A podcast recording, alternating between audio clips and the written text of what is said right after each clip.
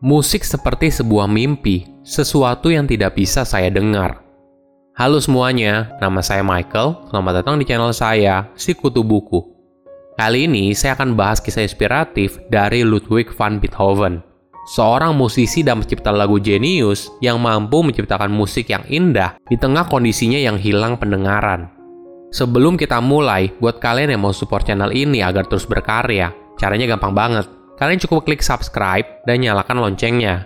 Dukungan kalian membantu banget supaya kita bisa rutin posting dan bersama-sama belajar di channel ini.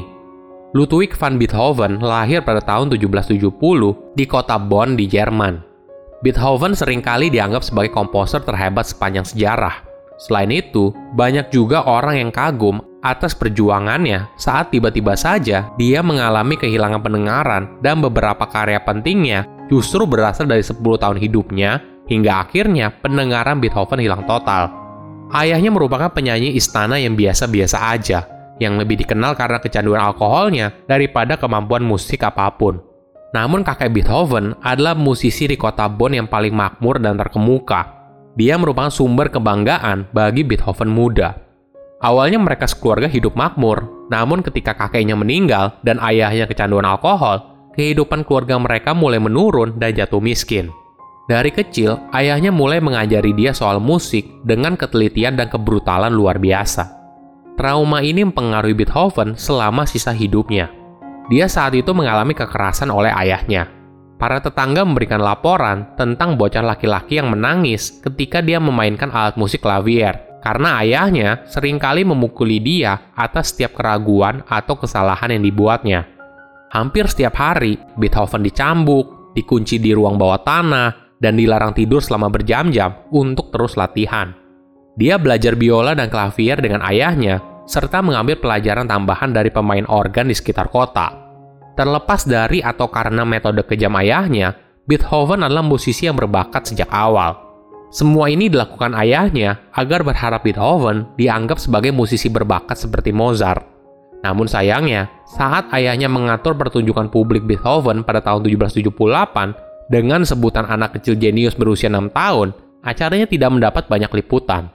Bahkan ketika Beethoven bersekolah, teman sekelasnya bilang kalau tidak ada tanda seorang yang jenius dari dirinya. Maklum saja, saat bersekolah, Beethoven kesulitan dengan berhitung dan mengeja, dan dia merupakan anak rata-rata di sekolah. Banyak penulis biografi berhipotesa kalau mungkin Beethoven mengalami disleksia ringan. Seperti yang pernah dikatakan oleh Beethoven, kalau musik lebih mudah dia tangkap daripada kata-kata. Pada tahun 1781, Beethoven keluar dari sekolah saat usianya 10 tahun untuk belajar langsung dari pemain organ kerajaan yang baru. Dari bimbingan gurunya, Beethoven berhasil mempublikasikan musik pertamanya, yaitu satu set variasi piano. Pada tahun 1784, kecanduan minuman beralkohol ayahnya semakin parah dan membuat dirinya tidak sanggup lagi untuk bekerja. Beethoven pun terpaksa menjadi tulang punggung keluarga pada umurnya 13 tahun. Dia melamar menjadi asisten pemain organ kerajaan. Walaupun usianya masih sangat muda, permintaannya disetujui dan akhirnya mendapat gaji yang rendah. Dari situ, karir musiknya mulai dikenal. Pada tahun 1786, Beethoven pindah ke Vienna belajar langsung di bawah Mozart Konon, Mozart sampai mengakui kehebatan dari Beethoven dan bilang kalau pria ini akan menjadi orang besar di masa depan. Di sini pula, Beethoven juga belajar di bawah Haydn, seorang komposer musik klasik yang terkenal. Selama tinggal di Vienna, dia banyak terpapar pada dunia konser besar dengan para aristokrat dan keluarganya. Koneksi ini membantunya untuk mendapatkan akomodasi dan penghasilan. Tidak lama kemudian, Beethoven berhasil menjadi komposer independen yang sukses di Vienna boleh dibilang hidupnya saat itu berada pada jalur yang tepat, dan dirinya mulai dikenal oleh banyak orang. Namun pada tahun 1796, Beethoven mulai mendengar suara berdengung di telinganya. Dari sini, semuanya berubah seketika. Dua tahun kemudian, pendengarannya mulai hilang. Pada tahun 1801, Beethoven telah kehilangan 60% pendengarannya, dan hal ini sangat mempengaruhi mentalnya karena dia sangat tidak suka memberitahu orang lain soal disabilitasnya.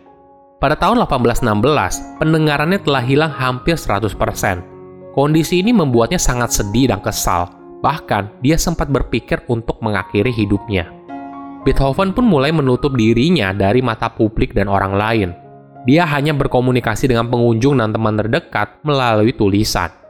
Walaupun kondisi pendengarannya memburuk, Beethoven tidak berhenti untuk terus menciptakan musik. Dia mulai mengamati getaran piano dan menyadari kalau dia tidak dapat mendengar nada tinggi saat bermain piano. Untuk mendengar komposisinya sendiri, Beethoven memotong kaki pianonya, meletakkan pianonya di lantai, dan menempelkan telinganya ke lantai.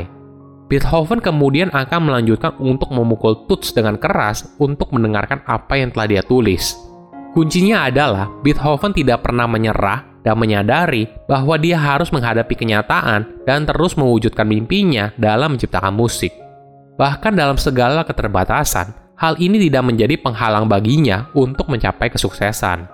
Hingga akhirnya pada tahun 1827, Beethoven meninggal dunia. Pemakamannya berjalan kusyuk dan dihadiri oleh lebih dari 20.000 orang. Ada fakta menarik soal salah satu karya terbaik Beethoven. Apakah kamu pernah mendengar lagu Für Alice? Ini merupakan salah satu karya Beethoven yang mendunia. Nadanya yang khas pasti membuat setiap orang terenyuh dan muncul perasaan nostalgia. Sejarahnya, yaitu pada tahun 1810, Beethoven yang berusia 40 tahun sudah dikenal sebagai komposer terbaik sepanjang masa. Dia juga saat itu sudah diganggu oleh penyakit tinnitus yang mengerikan sebelum ketuliannya. Meskipun tahun berikutnya dia berhenti tampil di depan umum sama sekali, namun Beethoven tidak pernah berhenti menulis.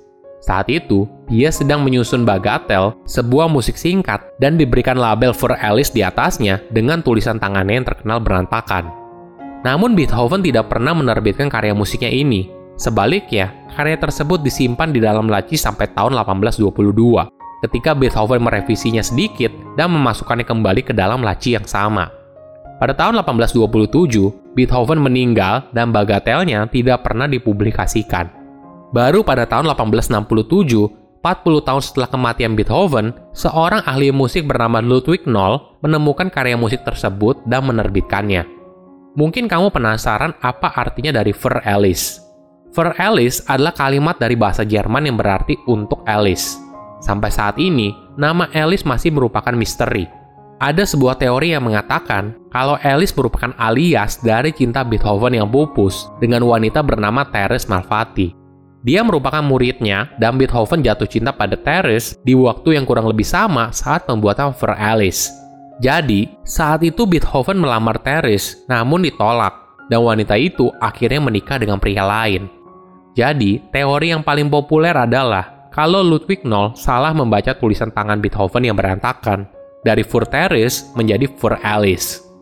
Setiap hari akan hilang apabila kita tidak mempelajari sesuatu yang bermanfaat. Manusia tidak memiliki harta yang lebih mulia atau lebih berharga daripada waktu. Oleh karena itu, jangan pernah menunda sampai besok apa yang dapat kamu lakukan hari ini. Silahkan komen di kolom komentar pelajaran apa yang kalian dapat ketika tahu informasi ini. Selain itu, komen juga mau tahu informasi apa lagi yang saya review di video berikutnya. Saya undur diri, jangan lupa subscribe channel YouTube Sikutu Buku. Bye bye.